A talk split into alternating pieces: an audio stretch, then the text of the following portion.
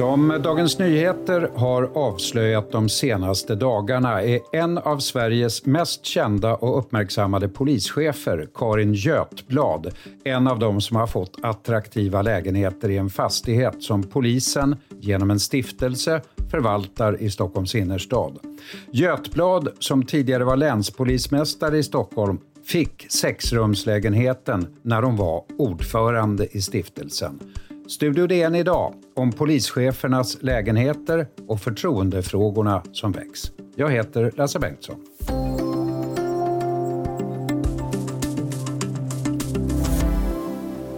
–2004 fattade styrelsen för den stiftelse som förvaltar polisens fastighet i Stockholm beslut om att hyresgästen skulle ut. Det var Philadelphia församling som hade haft lägenheten ända sedan 1938. Så här säger Sten-Gunnar Hedin, som då bodde där som föreståndare i Philadelphia församlingen. Jag sa också till henne att, att vi hade gärna bott kvar, men hon berättade då att det var styrelsens bestämda åsikt. Att det var så. Jag hade ingen aning om att hon satt i, i stiftelsens. Jag välkomnar Viviana Canoilas och Lisa Röstlund som har gjort DNs granskning. Philadelphia fick alltså flytta ut. Och vem var hon som skulle flytta in? Det var Karin Götblad som flyttade in. Och varför skulle hon det? Och varför skulle de andra flytta ut? Philadelphia-församlingen fick eh, höra om att att stiftelsen hade större behov av lägenheten än församlingen och att det, var anledningen ehm, till att kontraktet revs. Man ska ju säga att eh, Karin Götblad var länspolismästare och samtidigt ordförande i den här stiftelsen vid tidpunkten. Men eh, Götblad då, eh, som alltså var ordförande 2003 till 2012, hon flyttar in i en sexa på 161 kvadrat med sex kakelugnar som ordförande. Det kan ju tyckas uppseendeväckande. Ja, det kan det göra. Ni måste ha fått en del reaktioner från det här, från eh, sådana som jobbar på polisen till exempel. Hur, hur låter reaktionerna? Ja, det är flera som hör av sig och eh, vittnar om att det pratas om i, i kafferummen att många har aldrig hört talas om eh, den här möjligheten som ska vara öppen för alla anställda inom eh, Stockholmspolisen att ställa sig i kö eller intresseanmäla sig till att eh, få en lägenhet i, i de, det här exklusiva området i innerstan. De har inte ens hört, ta hört talas om möjligheten alltså? Nej, det, det, finns en liten annons på intranätet men det är inget man har flaggat högt för. Det har gått de flesta förbi och det sticker i ögonen på många som tar upp att ett stort fokusområde just nu är att, att jobba för att främja eh, allmänhetens förtroende för Polismyndigheten som, som ju är ett stort kapital som man bygger hela verksamheten på. Och det här känns ironiskt. Då undrar man ju dessutom varför, hur kommer det sig att polisen i Stockholm har den här fastigheten från början? Polisen fick ärva fastigheten eh, via en stiftelse på 1940-talet. Och då var det en ingenjör som hade låtit bygga det här huset och som själv bodde i huset som hade donerat den här eh, fastigheten då via stiftelsen till polisen i Stockholm. Och syftet med den här stiftelsen det är att kunna ge ekonomiskt stöd för behövande poliser, för poliser som har gjort hjältemodiga insatser, men även för att främja förtroendet ehm, eh, hos allmänheten. Det, det, var alltså en eh, polisvän kan man säga som donerade fastigheten till polisen för att de skulle ja, få ekonomiskt stöd och även bo. Är det, är det många vanliga poliser som har bott i det här huset då, eller, eller är det enbart chefer?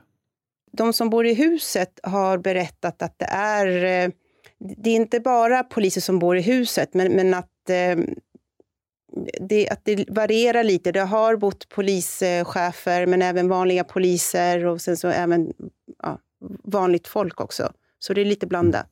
Det, det, är alltså en del andra höga polischefer, förutom Götblad, som har fått lägenheter där. Eh, exempel? Maria Mikko är en eh, polischef som fick en lägenhet under, sin, under tiden hon var styrelseledamot i styrelsen.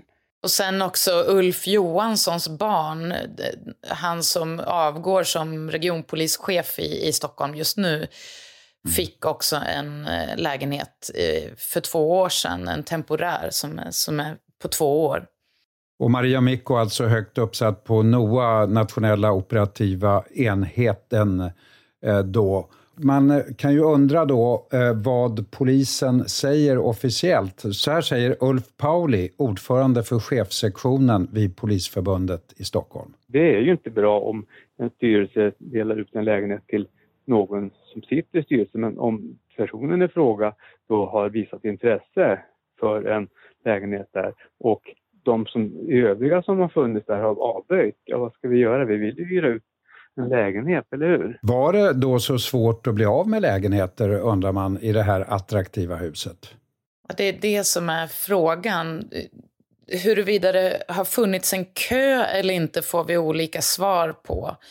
Och eh, hur beslutet har gått, hur besluten om att tilldela olika personer lägenheter går till har man också eh, svajat i svaren kring. Man, man har tagit bort kön, eh, om den alls har funnits. Och nu eh, ska det tilldelas genom intresseanmälningar som alltså inte ska gå på kötid. Men det låter, det låter alltså som något otydligt formulerade regler för hur allt det här ska gå till.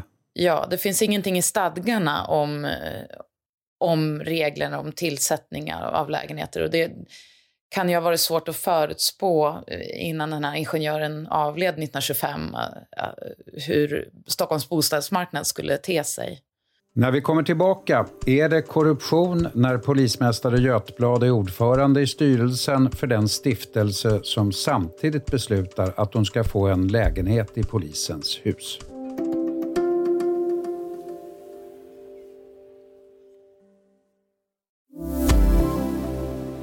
Ja, Viviana Kanoilas och Lisa Röstlund som alltså gjort den här granskningen. Vad ser ni som det centrala och viktiga i den här historien? Ja, det handlar ju om eh, en statlig myndighet som, som ska eh, hjälpa medborgarna att göra rätt och fel. Eller skilja mellan rätt och fel. Och och då kan man ju se det som, som särskilt känsligt att höga polischefer har suttit på maktpositioner och själva eh, i ett förtroendeuppdrag för en, en stiftelse med, med allmännyttigt syfte. Eh, att man då har tillskansat sig förmåner på det här sättet. Det, det måste man ju säga är anmärkningsvärt. Men någon kanske skulle ändå undra, kan det ändå vara så att polisen som äger den här fastigheten, man, de kanske kan göra så här?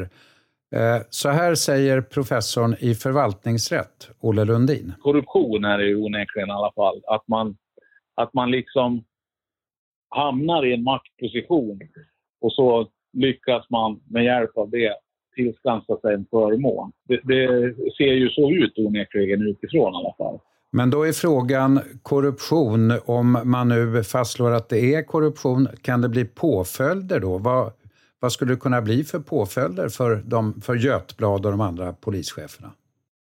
Rent juridiskt så är det svårt att se att det skulle kunna bli några eh, rättsliga påföljder. Men sen handlar det ju om förtroende och vad, vad myndigheten anser eh, att de här höga polischeferna har gjort i samband med det här. Det, det är svårt att säga vad allmänheten anser.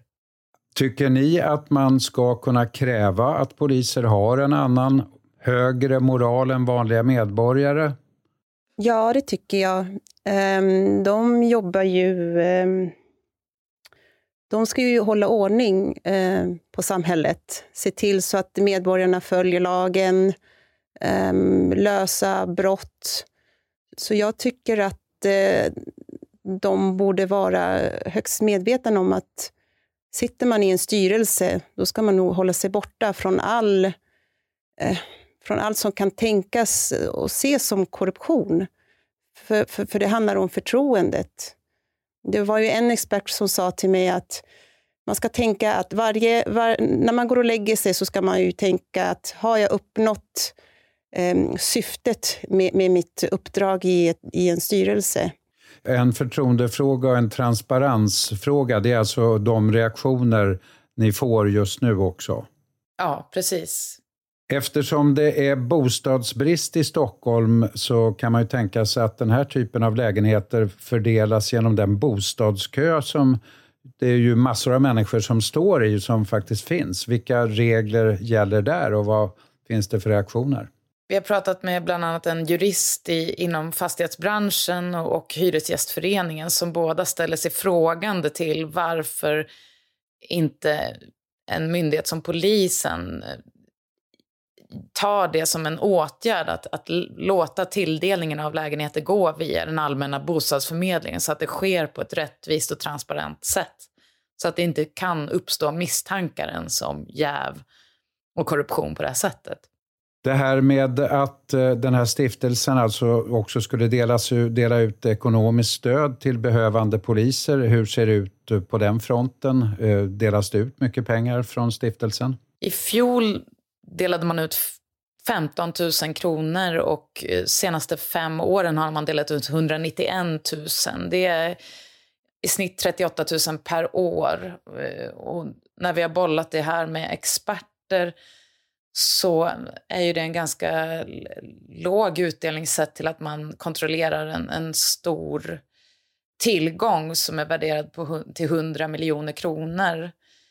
Man har lagt rätt stora summor på, på renoveringar av fastigheter och där är det också särskilt känsligt att det sitter personer i styrelsen och beslutar om hur stor andel som ska gå till utdelning respektive till att eh, renovera fastigheten samtidigt som man bor där i.